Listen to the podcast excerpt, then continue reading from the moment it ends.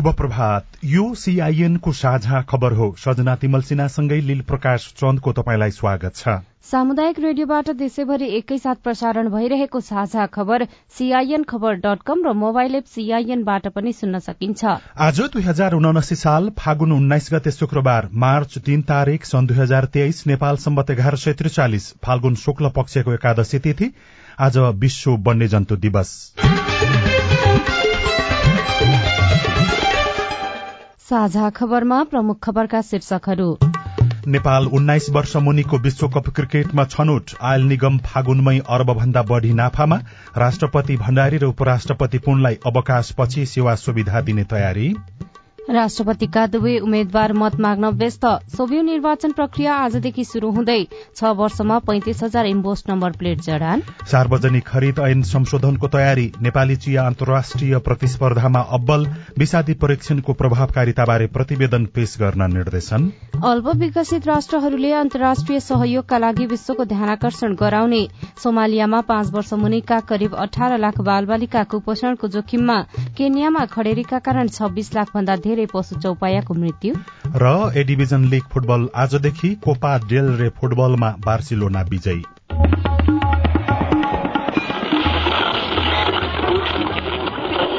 सयौं radio. हजारौं radio कर्मी र करोड़ौं नेपालीको माझमा यो हो सामुदायिक सूचना नेटवर्क सीआईएन साझा खबरको सबैभन्दा शुरूमा क्षेत्रीय छनौटबाट विजेता भएर यसपटकको विश्वकपमा पुग्ने नेपाल पहिलो राष्ट्र बनेको प्रसंग नेपाली उन्नाइस वर्ष मुनिको क्रिकेट टोली सन् दुई हजार चौविसमा श्रीलंकामा हुने आईसीसी विश्वकप क्रिकेट प्रतियोगिताका लागि छनौट भएको छ। सन् दुई हजार सोह्रको उन्नाइस वर्ष मुनिको विश्वकपमा बंगलादेशसँग क्वार्टर फाइनल खेलेको नेपाल त्यस यता सात वर्षसम्म छनौट हुन सकेको थिएन। हिजो राउण्ड रोबिन लीगको अन्तिम तथा निर्णायक खेलमा आयोजक यूएईलाई सात रनले हराउँदै सर्वाधिक दश सहित नेपालले समूह विजेता बनेर विश्वकपमा स्थान पक्का गरेको हो। यूएईको अजमानमा टस हारेर पहिले ब्याटिङ गरेको नेपालले अडचालिस दशमलव पाँच ओभरमा सबै विकेट गुमाएर एक सय एकानब्बे रनको मध्यम योगफल खड़ा गरेको थियो। प्रत्युत्तरमा यूएई अडचालिस ओभरमा एक सय चौरासी रनमै समेटियो। राउण्ड रोबिन लीगमा अपराजित रहँदै विश्वकपमा स्थान पक्का गर्दा नेपालका दिपेश कडेलले यूएई विरूद्ध ह्याट्रिक गर्नुभयो। सन् दुई हजार अठारको छनौट खेलको अन्तिम खेलमा नेपाल अफगानिस्तानसँग पराजित भएको थियो। त्यसपछिका संस्करणमा यूएई नेपालमाथि हावी हुँदै आएको थियो।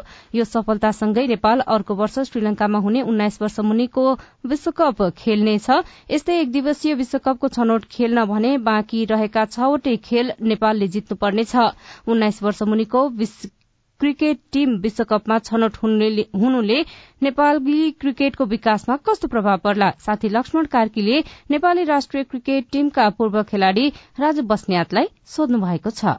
हामीले धेरै समय भइसकेको थियो under nineteen World Cup qualify नभएको होइन?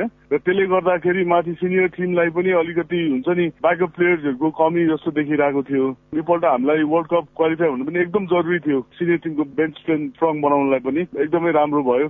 नेपाली क्रिकेटमा फेरि अब भनौँ न पहिलादेखि हामीले continue under nineteen World Cup खेलिरहेको थियौँ बिचमा ग्याप भयो। अब फेरि क्वालिफाई भएको छ। यो चाहिँ नेपाली क्रिकेटको लागि एकदमै राम्रो कुरा हो। जुन बेला चाहिँ नेपालले अन्डर नाइन्टिन वर्ल्ड कप खेलिरहेको थियो त्यो बेला ग्रुम भएको खेलाडीहरूको पर्फर्मेन्स राम्रो देखिन्छ। अन्डर नाइन्टिन वर्ल्ड कप खेलिसकेपछि त्यो खेलाडीहरूमा एउटा भिन्दै किसिमको कन्फिडेन्स बिल्डअप हुन्छ। होइन त्यो खेलाडीहरूले जुन एक्सपोजर पाएको हुन्छ अन्डर नाइन्टिन वर्ल्ड कपमा त्यो कुराले चाहिँ एउटा खेलाडीलाई धेरै फरक पार्छ कि? छनौट हुने कुरा त एउटा भयो यो खुसीको कुरा त छँदैछ। अब यसको तयारी कसरी गर्नु पर्ला के के कुरामा नेपालले जोड गर्नु पर्ला फेलियर भइरहेको कुरा चाहिँ यो हो। होइन हामीले वर्ल्ड कप खेल्छौँ भनेर त्यस्तो खालको प्लानिङै गर्दैनौँ। अब अहिले वर्ल्ड कप क्वालिफाई भयो अब वर्ल्ड कप तयारी गर्नुपर्छ भनेर अहिले लाग्छौँ होइन। त्यो चाहिँ गलत कुरा हो। क्वालिफाई भइसकेको छ हामीसँग लगभग एक वर्षको समय बाँकी छ। अब टिम फर्केको डे वानबाटै वर्ल्ड कपको तयारीको लागि चाहिँ टिम लाग्नुपर्छ किनभने वर्ल्ड कप भनेको बिग इभेन्ट हो। त्यसमा राम्रो पर्फर्मेन्स गर्नलाई कम्पिट गर्नको लागि चाहिँ तयारी डे वानबाटै सुरु गर्नुपर्छ। लिग टूमा पनि दुईटा मुख्य लक्ष्य छन् नेपालका एउटा एक दिवसीय वरियतालाई जोगाइराख्ने र अर्को यसमा पनि विश्वकप छनौट खेल्न पाउने भन्ने छ। अब बाँकी रहेका छवटा खेलहरू जुन पपुवा न्युगिनी र युएसँग छन् त्यसका चारवटा खेल चाहिँ नेपालले घरेलु मैदानमा खेल्नेछ र यो अहिलेको सिरिजमा दुईटा खेल चाहिँ युएमै हुनेछन्। यी बाँकी सबै खेल जितेर नेपाल राष्ट्रिय टिमको विश्वकप छनौट खेल्ने सम्भावना चाहिँ तपाईँ कति देख्नुहुन्छ? त्यो सम्भावना पनि कसरी बनायो भन्दा यो पछिल्लो पाँचवटा म्याच कन्टिन्यू जितेपछि त्यो खालको सिनारियो आएको हो सम्भावना छ अहिले पनि। पहिलो भनेको वर्ल्ड कपमा जाने अरू बाटोहरू पनि छ। पहिला वान डे स्ट्याटस बचाउनु पर्यो। त्यसपछि अनि वर्ल्ड कपको लागि अनि अनि बल्ल अरू प्लानिङहरू गर्नु पर्यो। नेपाली राष्ट्रिय टिममा नयाँ प्रशिक्षक आउनु भएको छ। उहाँ आए पछाडिको एउटा मोमेन्टम भनिन्छ गेमको। त्यो बदलिएको हो भनेर भन्नु ठिकै हुन्छ कि अलिक हतार हुन्छ यसो निर्णय एकदमै एकदमै मल्टी देसाई आएपछि नेपाली टिमको पर्फर्मेन्स चाहिँ कोचले गर्दाखेरि नै हो। कोचले धेरै फरक पार्छ सबै कुरामा।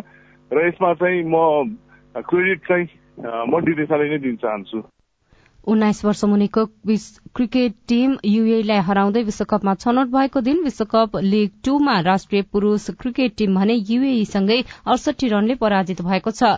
दुई सय आठ रनको लक्ष्य पाएको नेपाल बत्तीसौं ओभरमा एक सय उनाचालिस रनमै अल आउट भयो। कुशल मल्लले साठी रन बनाए पनि जितका लागि पर्याप्त भएन।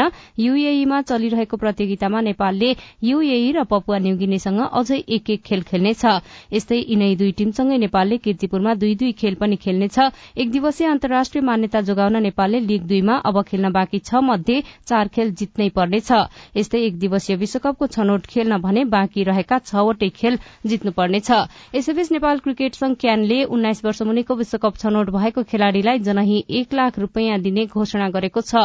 निर्णायक खेलमा यूएईलाई सात रनले हराउँदै रोमाञ्चक जित निकालेको नेपाली टोलीलाई क्यानले जनही एक लाख दिने घोषणा गरेको हो। यसबाहेक पुरस्कार तथा सम्मान कार्यविधि अनुसार खेलाड़ीहरूले नेपाल सरकारबाट जनही तीन लाख रूपियाँ पुरस्कार पाउनेछन्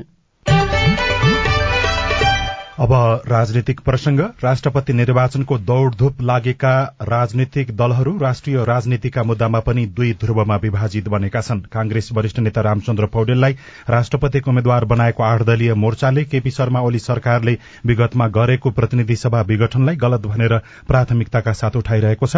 अर्कातिर उपाध्यक्ष सुभाष चन्द्र नेवाङलाई उम्मेद्वार बनाएको एमाले विघटनको कदमलाई बचाउ गरिरहेको छ।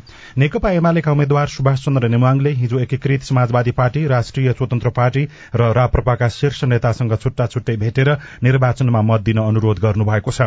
एकीकृत समाजवादी पार्टीले राष्ट्रपतिमा मत दिन नसकिने स्पष्ट पारेको छ भने राष्ट्रिय स्वतन्त्र पार्टी र राप्रपाले सकारात्मक जवाब दिएको एमाले नेता योगेश भट्टराईले बताउनुभयो। पुरानो व्यक्तित्व सबै हिसाबले सहयोगको निम्ति हामीले उहाँलाई अनुरोध गर्यौं।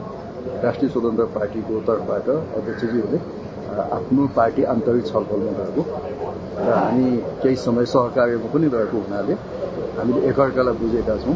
सुभाष नेमाङ जतिको व्यक्तित्व मुलुकले कमै पाउँछ यो एउटा मौका हो भन्ने कुरा उहाँले व्यक्त गर्नुभएको छ। र पार्टीको आन्तरिक छलफलबाट राष्ट्रिय स्वतन्त्र पार्टीको मत राष्ट्रपतिमा सुभाष नेमाङले पाउनुहुन्छ। आठ दलीय गठबन्धनका उम्मेद्वार पौडेलले भने मत माग्दै सांसदहरूलाई पत्राचार गर्नुभएको छ। संघीय सांसदहरूको काठमाडौँमा हिजो भएको भेलामा पौडेलले विगतका राष्ट्रपतिबाट कमी कमजोरी भएको दावी गर्दै त्यसलाई आफूले नदोहोर्याउने प्रतिबद्धता जनाउनुभयो। भेलापछि पत्रकारसँग कुराकानी गर्दै पौडेलले भन्नुभयो। राष्ट्रिय सभाका सदस्य प्रतिनिधि सभाका सदस्य प्रदेश सभाका सदस्य सबैसँग सम्पर्क र भेटघाट जिम्मेवारी पूरा गर्छु भनेर उहाँहरूलाई विश्वास दिलाउने काम गरि नै राखेका छु त्यही सम्पर्कमै छु म। राम्रै मलाई सबै रेस्पोन्स अत्यन्त पोजिटिभ अत्यन्त सकारात्मक सबै सकारात्मक हुनुहुन्छ महतनाले। तपाईँ पुरानो मान्छे तपाईँ भनेर माया गर्छन्। सबैले होइन तपाईँ माथि भरोसा छ तपाईँले अवश्य पनि संविधानको संरक्षण गर्नुहोला भन्छ यसैबीच चैत पाँच गते हुने स्वतन्त्र विद्यार्थी युनियन सोबिउ निर्वाचन प्रक्रिया आजबाट शुरू हुँदैछ। आज निर्वाचनमा भाग लिने विद्यार्थी संघ संगठनको दर्ता शुरू गर्ने कार्यतालिका छ। सोबिउ निर्वाचन केन्द्रीय अनुगमन तथा समन्वय समितिका सदस्य सचिव एवं त्रिवी विद्यार्थी कल्याण तथा खेलकुद निर्देशनालयका निर्देशक प्राध्यापक पशुपति अधिकारीले आज त्रिवीको सम्बन्धन प्राप्त बैसठी क्याम्पस सहित सोबिउ निर्वाचन गराउने सामुदायिक क्याम्पसमा संघ संगठन दर्ता गरी निर्वाचन प्रक्रिया शुरू गरिने जानकारी दिनुभयो।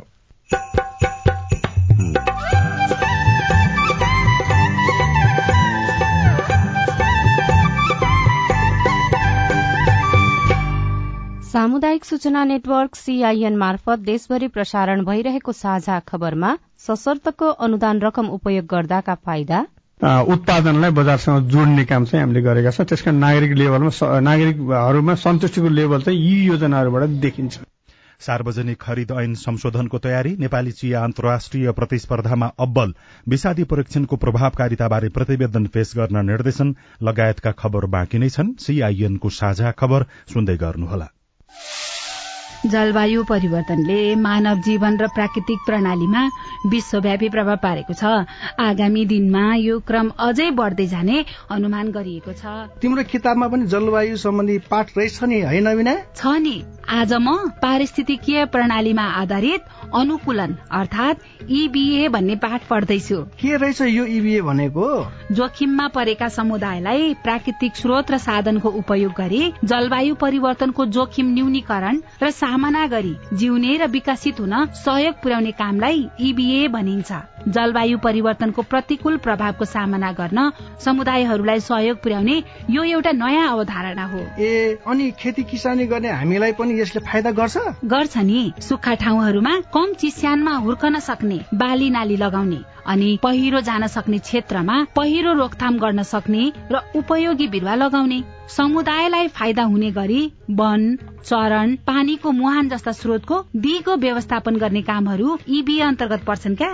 उसो भए त यो गजबको कुरा रहेछ त। हो त नि। धेरै गजबको कुरा हो। इबिएको योजना तयारी र कार्यान्वयन गर्दा स्थानीय जनताको सहभागिता आदिवासी जनजाति संरक्षण कर्मी प्राकृतिक स्रोत व्यवस्थापन अभियन्ता र निजी क्षेत्रका सरोकारवालाहरू बीच पनि समन्वय चाहिन्छ। जलवायु परिवर्तनले निम्ताएका चुनौतीको सामना गर्न जमिन जल र प्राकृतिक स्रोत व्यवस्थापनका सर्वोत्तम उपलब्धिहरूको कार्यान्वयन गरौं।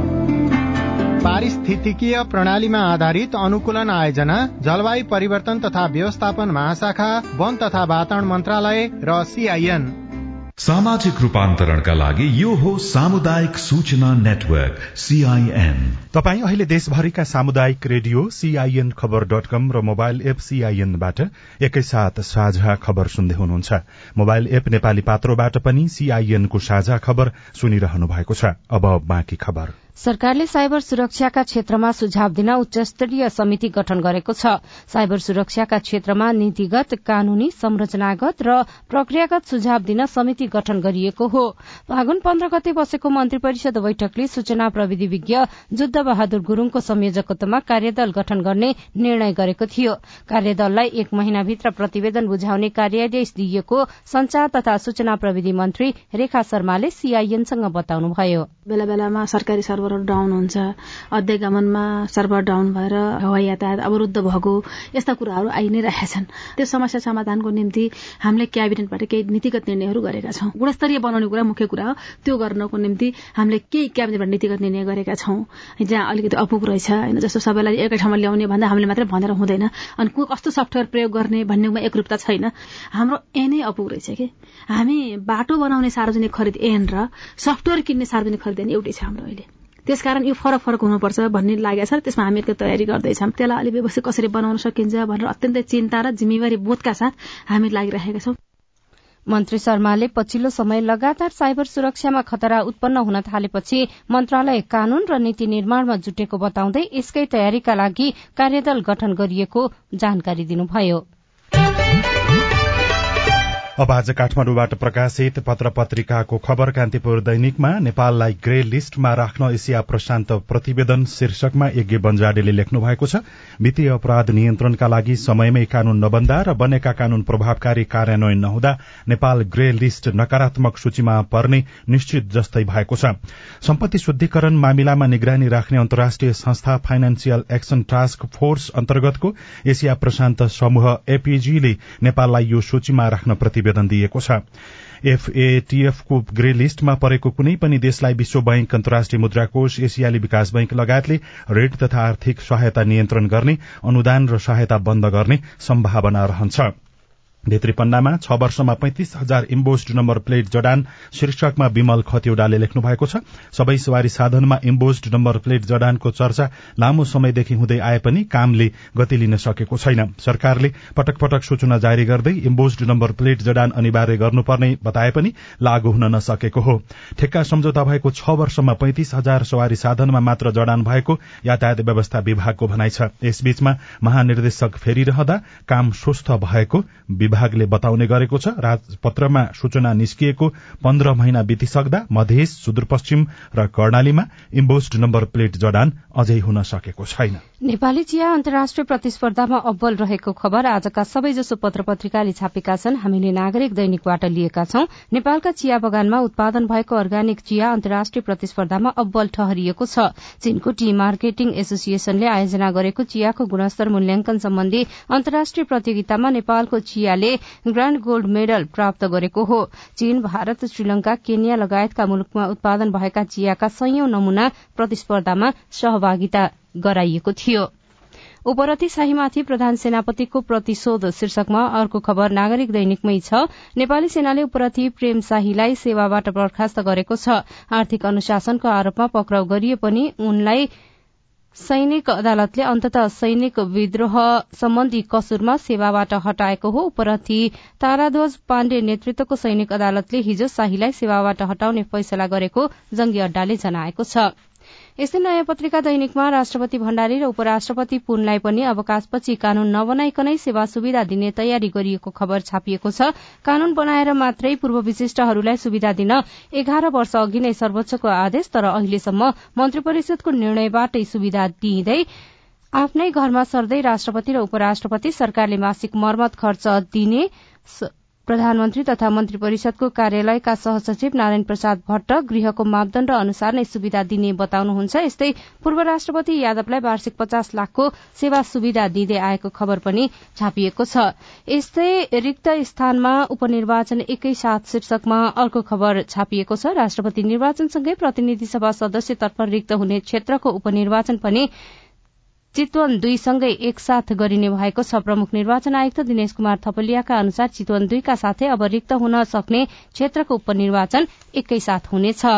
यस्तै अर्थपत्रिका पृष्ठमा फागुनमै अर्बभन्दा बढ़ी नापा तर इन्धनको मूल्य घटेन शीर्षकमा। अजित अधिकारीले खबर लेख्नु भएको छ नेपाल आयल निगमले दुई हजार एकहत्तर असोजदेखि पेट्रोलियमको स्वचालित मूल्य प्रणाली लागू गरे पनि कार्यान्वयन नगर्दा उपभोक्ता मारमा परेका छनृ। गोर्खापत्र दैनिकमा सार्वजनिक खरिद ऐन संशोधनको तयारी शीर्षकमा खबर छ। प्रधानमन्त्री पुष्पकमल दाहाल प्रचण्डले निर्माण व्यवसायी लगायतका सरोकारवालासँग छलफल गरेर सार्वजनिक खरिद ऐन संशोधन गरिने बताउनु भएको छ। नेपाल निर्माण व्यवसायी महासंघको प्रतिनिधि मण्डलसँग हिजो भएको भेटमा उहाँले यस्तो बताउनुभयो। प्रधानमन्त्री प्रचण्डले जलविद्युत आयोजनामा आक्रमण गर्नेलाई कानूनी कार्यवाही गर्ने पनि बताउनु भएको छ। कार्यवाहीका लागि तत्काल कदम चाल्ने जानकारी दिँदै गृह मन्त्रालयका सहसचिवको नेतृत्वमा छानबिन समिति गठन गरिएको पनि खबरमा उल्लेख गरिएको छ। मिसादी परीक्षणको प्रभावकारिताबारे प्रतिवेदन पेश गर्न निर्देशन शीर्षकमा खबर छ प्रधानमन्त्री तथा मन्त्री परिषदको कार्यालय र कृषि तथा पशुपन्छी विकास मन्त्रालयको टोलीले काठमाडौँको कालीमाटीमा रहेको विषादी द्रुत विश्लेषण प्रयोगशालाको अनुगमन गरेको छ। अनुगमनको क्रममा उपभोक्ताको भान्सामा विषादीको भारी रहेको भनेर कौशिला कुंवरले कारोबार राष्ट्रिय दैनिकमा लेख्नु भएको छ। आम उपभोक्ताको जीवनमाथि गम्भीर खेलावाड हुने गरी तरकारीमा विषादी प्रयोग भएको फेला परेको हो। केन्द्रीय कृषि प्रयोगशाला अन्तर्गतको विषादी अवशेष द्रुत विश्लेषण प्रयोगशाला इकाईले कालीमाटीमा आउने तरकारीमा परीक्षण गर्दा केहीमा उनासय प्रतिशतसम्म विषादीको अवशेष फेला परेको हो र सरकारले नै भारतबाट आउने तरकारीमा विषादी परीक्षण रोकेको भनेर आलोचना पनि भइरहेको छ। साझा खबरमा अब हेलो सिआइएन सुनिल राज भारतबाट। मेरो नाम उदय कुमार राम सर्लाहीबाट। मेरो चाहिँ टुरिस्ट भिसा ओमानबाट चाहिँ आएको छ। त्यहाँ जानको लागि अब त्यो भिसामा के के डकुमेन्ट आवश्यक पर्छ बुझ्दिनको लागि अनुरोध छ। यस बारेमा जानकारी दिँदै हुनुहुन्छ अध्यागमन विभागका महानिर्देशक झलकराम अधिकारी। टुरिस्ट भिजामा जाने चाहिँ कारण भनेको त्यहाँ गएर घुमेर फर्किने हुन्छ। यसको लागि चाहिँ जानेर आउने टु वे टिकट चाहियो। अनि त्यसपछि यहाँ चाहिँ उहाँले के गर्नुहुन्छ उहाँको अकुपेसनका कागजातहरू अनि ब्याङ्कको चाहिँ स्टेटमेन्ट यी कुराहरू चाहिँ पुर्याउनु भएर अध्यागमन विभागको वेबसाइटमा टुरिस्ट भिजामा चाहिँ बाहिर जानको लागि आवश्यक पर्ने कागजातहरू भनेर चाहिँ हामीले चाहिँ त्यो सत्रवटा चाहिँ बुँदा छ। त्यो बुँदामा रहेर चाहिँ आवश्यक पर्ने कागजातहरू एकिन गरेर आउनुभयो भने जान सक्नुहुन्छ। नमस्कार मेरो नाम चाहिँ जङ्गबहादुर राई हो। म खोटाङबाट हो। मैले चाहिँ दुई हजार पचहत्तर सालमा पासपोर्ट काठमाडौँबाट लिएको थिएँ। उक्त पासपोर्टमा मेरो नागरिकता नम्बर गलत टाइपिङ भएको रहेछ। दुईवटा मात्र दुई हुनु पर्नेमा तिनवटा दुई भएको छ। यसले मैले सच्याउन के गर्नुपर्छ र शुल्क कति लाग्यो? तपाईँको समस्या कसरी समाधान हुन्छ? राहदानी विभागका प्रवक्ता दुरपदा सापकोटा भन्नुहुन्छ। अनि नागरिकता गलत भएकोलाई चाहिँ सच्याउन सकिन्छ र त्यसको लागि प्रक्रिया भनेको नवीकरणकै प्रक्रियामा जानुपर्छ। र त्यसको शुल्क चाहिँ उहाँले आफ्नो जिल्ला प्रशासन कार्यालयबाट गर्नुहुन्छ भने पाँच हजार मात्रै लाग्छ। अनि यदि राजधानी विभागबाट गर्ने हो भने चाहिँ बाह्र हजार लाग्छ। यदि उहाँलाई त्यति हतार छैन भने चाहिँ अहिले जिल्ला प्रशासन कार्यालयहरूबाट पनि सजिलै बनेको हुनाले सम्बन्धित जिल्ला प्रशासन कार्यालयमा नै गएर नवीकरण गर्न सल्लाह दिन्छु मैले। शङ्खुसभा जिल्ला खातबारी नगरपालिका वार्ड नम्बर छ तल्लो पाङखादेखि बोल्दैछु। मलेसिया जानको लागि सुन्न लागतमा जान पाइन्छ भनेर रेडियो यो सिआइएन कार्यक्रममै सुनिन्छ।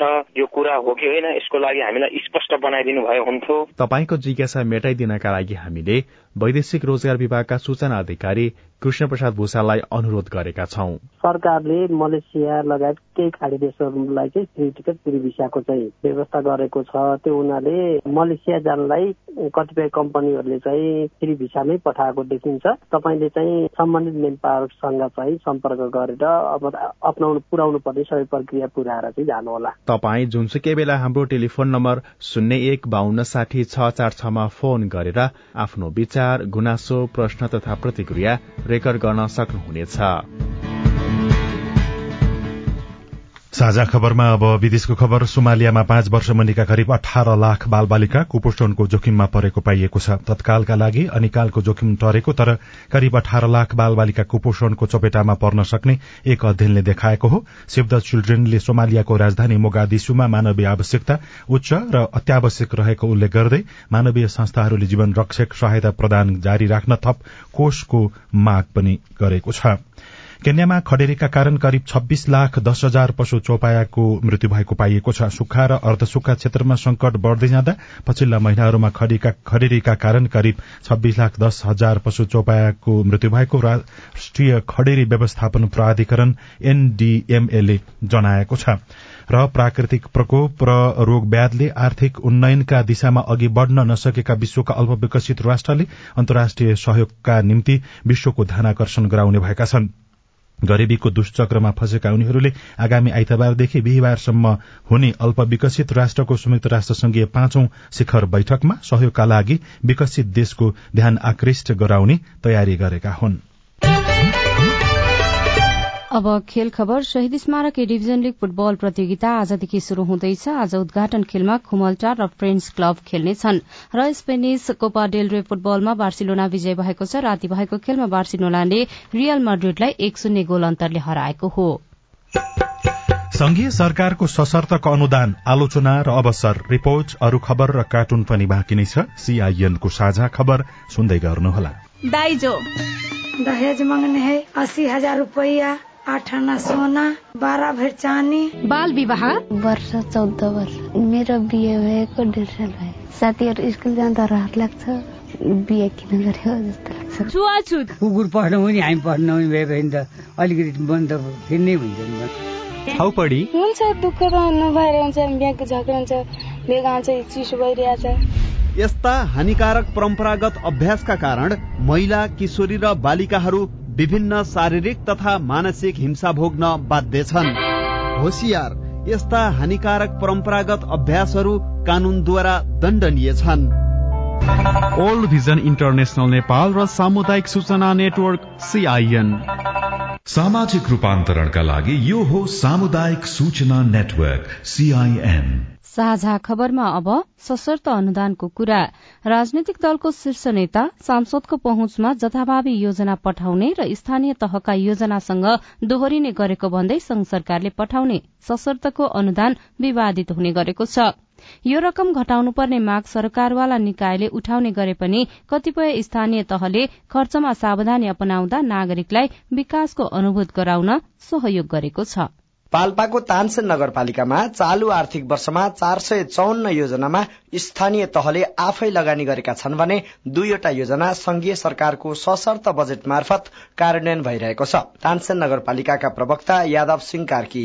यो तानसेन नगरपालिकाले दमकडा मावि आवासीय तथा शिक्षण परियोजना तेस्रो चरणमा चाहिँ यो कामहरू भइरहेको छ। यसको सम्झौता भएर यो निर्माण कार्य सुचारू भइरहेको अवस्था छ। पोल धारा आँपटारी ओम पार्क सड़क स्तर उन्नति कार्य तानापा एकमा भइरहेको छ। र यो पनि सम्झौता भई निर्माण कार्य शुरू भइरहेको छ। टक्सार वनदेवी बतासेदेखि ढुङ्गाखानी सड़क स्तर उन्नतिका लागि तिरासी पर्सेन्ट कामहरू सम्पन्न भइसकेको छ। बाँकी कामहरू सम्पन्न हुने अवस्थामा रहेको चरणमा रहेको छ। यसै गरी अर्को चाहिँ पक्लुवादेखि अम्लियान सड़क खण्ड स्तर उन्नति यसको यो कार्य चाहिँ सम्पन्न भइसकेको छ। अन्तर सरकारी वित्त व्यवस्थापन ऐन दुई हजार चौहत्तर वा प्रचलित कानून अनुसार प्राप्त भएको अनुदानको रकम जुन प्रयोजनको लागि आएको हो त्यसैमा अनिवार्य खर्च गर्नुपर्छ। out. त्यसैलाई आधार बनाएर सशर्तको बजेट कार्यान्वयन भइरहेको बताउँदै तानसेन नगरपालिकाका प्रमुख प्रशासकीय अधिकृत जीवन गेवाली। विकास भन्ने कुरा यो कहिले पनि सम्पन्न हुने विषय छैन। अब एउटा पछि अर्को खालको चाहिँ आवश्यकता नागरिकले महसुस गर्छन् स्वाभाविकै हो। तर अहिले हामीले भनेका तीनटा सड़कहरूको विकासले गर्दा नागरिकहरूमा असाध्यै एउटा चाहिँ एक एक खालको नागरिकमा सन्तुष्टिको आभास हामीले पाउँछौँ। किनभने ग्रामीण क्षेत्रमा असहज अवस्थामा बसेका नागरिकलाई नगरपालिका विशेष नगरपालिका केन्द्रमा सहज रूपमा आउन सक्ने वातावरण यसले बनाएको छ। हिजोको चाहिँ असहज बाटोलाई सहज बनाएको छ साँगुरो बाटोलाई फराक बनाएको छ कालो पत्री नभएको बाटोलाई कालो पत्री बनाएर नागरिकको लागत कम गरेर उहाँहरूको चाहिँ उत्पादनलाई बजारसँग जोड्ने काम चाहिँ हामीले गरेका छौँ। त्यसकारण नागरिक लेभलमा नागरिकहरूमा सन्तुष्टिको लेभल चाहिँ यी योजनाहरूबाट देखिन्छ। बितेको पाँच वर्षमा पालिकामा आएको सशर्त बजेटबाट दमकडा माध्यमिक विद्यालय आवासीय शिक्षण परियोजना पोलधारा आँपटारी ओम पार्क सड़क स्तरोन्नति टक्सार वनदेवी बतासेदेखि ढुङ्गाखानी सड़क स्तरोन्नति लगायतका करिब पाँचवटा आयोजना निर्माण भएका छन्। यसले विकासमा राम्रो प्रभाव पारे पनि योजना छनौटमा भने अझै कमजोरी हुने गरेको गुनासो आउने गरेका छन्। नागरिक अगुवा गोविन्द भट्टराई। यो संघीय सरकारको सशर्त बजेटको भोल्युम धेरै मात्रा बढी। साथै यो काम पनि देखिने हुँदाखेरि नागरिकहरू यो बजेटको परिणामबाट उत्साहित भएको पाउँछु समग्रमा हेर्दाखेरि। र तानसेनको सवालमा पनि अलिकता काम देखिने अथवा योजनाहरू सशर्त बजेट अन्तर्गतका योजनाहरू अरूभन्दा अलिक पृथक र नागरिकहरूलाई उत्साहित गर्ने खालका देखिएका छन् रहेका छन्। र यसमा अलिकता यो पहुँचको आधारमा होइन नागरिकको समस्या र स्थानीय आवश्यकतालाई प्राथमिकता दिँदै बजेट र स्थान छनौट गर्न सके अझ सुनमा सुगन्ध हुन्थ्यो भन्ने खालको सुझाव पनि छ। यसलाई पनि मनन गर्न आवश्यक छ। स्थानीय तहले आफै सञ्चालन गरेका योजना कार्यान्वयन पनि पूर्ण प्रभावकारी बनाउन जनप्रतिनिधिले काम भइरहेको दावी गर्दै आएका छन्। सशर्तको बजेटले नागरिक तहमा विकासको अनुभूत गराए पनि योजना छनौट पारदर्शी र न्यायोचित बनाउँदै लैजान पालिकावासीको माग छ। Vijay Kumar Baudel CIN radio Madan Pokhara Palpa. यो रिपोर्टसँगै हामी साझा खबरको अन्त्यमा आइपुगेका छौं। सामुदायिक रेडियो प्रसारक संघद्वारा संचालित सीआईएनको बिहान छ बजेको साझा खबर सक्नु अघि मुख्य मुख्य खबर फेरि एकपटक। नेपाल उन्नाइस वर्ष मुनिको विश्वकप क्रिकेटमा छनौट। आयल निगम फागुनमै अर्बभन्दा बढ़ी नाफामा राष्ट्रपति भण्डारी र उपराष्ट्रपति पुनलाई अवकाशपछि सेवा सुविधा दिने तयारी। राष्ट्रपतिका दुवै उम्मेद्वार मत माग्न व्यस्त सुबिउ निर्वाचन प्रक्रिया आजदेखि शुरू हुँदै छ वर्षमा पैंतिस हजार इम्बोस्ट नम्बर प्लेट जडान। सार्वजनिक खरिद ऐन संशोधनको तयारी नेपाली चिया अन्तर्राष्ट्रिय प्रतिस्पर्धामा अब्बल विषादी परीक्षणको प्रभावकारिताबारे प्रतिवेदन पेश गर्न निर्देशन। अल्पविकसित राष्ट्रहरूले अन्तर्राष्ट्रिय सहयोगका लागि विश्वको ध्यान आकर्षण गराउने सोमालियामा पाँच वर्ष मुनिका करिब अठार लाख बालबालिका कुपोषणको जोखिममा केन्यामा खडेरीका कारण छब्बीस लाख भन्दा धेरै पशु चोपायाको मृत्यु। र ए डिभिजन लीग फुटबल आजदेखि साझा खबरको अन्त्यमा कार्टुन। कार्टुन हामीले सीआईएनका लागि माटसापले बनाउनु भएको कार्टुन लिएका छौं। व्यङ्ग्य गर्न खोजिएको छ। प्रदेश नम्बर एकको नामाङ्कन गरियो र त्यहाँ पछिल्लो समयमा केही असन्तुष्टिहरू भएर विरोधका स्वरहरू पनि सुनिएका छन्। यहाँ एउटा रेडियो बजिराखेको छ। त्यहाँ नजिकै दुईजना व्यक्ति छन्। एकजना पुरूष र महिला। पुरूषले त्यहाँ रेडियोमा आइराखेको खबरमा प्रदेश एकको नाउँ कोशी भन्ने खबर सुनेपछि केही मुख बिगारेका छन्। नजिकै महिला छन्। उनले चाहिँ यस्तो भनेका छन् किन रिसाउनु? अञ्चललाई हुर्काएर प्रदेश बनाए। यो विकास होइन त। हवस् त प्राविधिक साथी सुनिल राज भारतलाई धन्यवाद। अहिलेलाई लील प्रकाश चन्द र सजना तिमल सिन्हा विदा भयौं। तपाईँको आजको दिन शुभ होस्। नमस्कार। यसपछि देशभरिका सामुदायिक रेडियोबाट कार्यक्रम हेलो सांसद प्रसारण हुनेछ। सुन्ने प्रयास गर्नुहोला।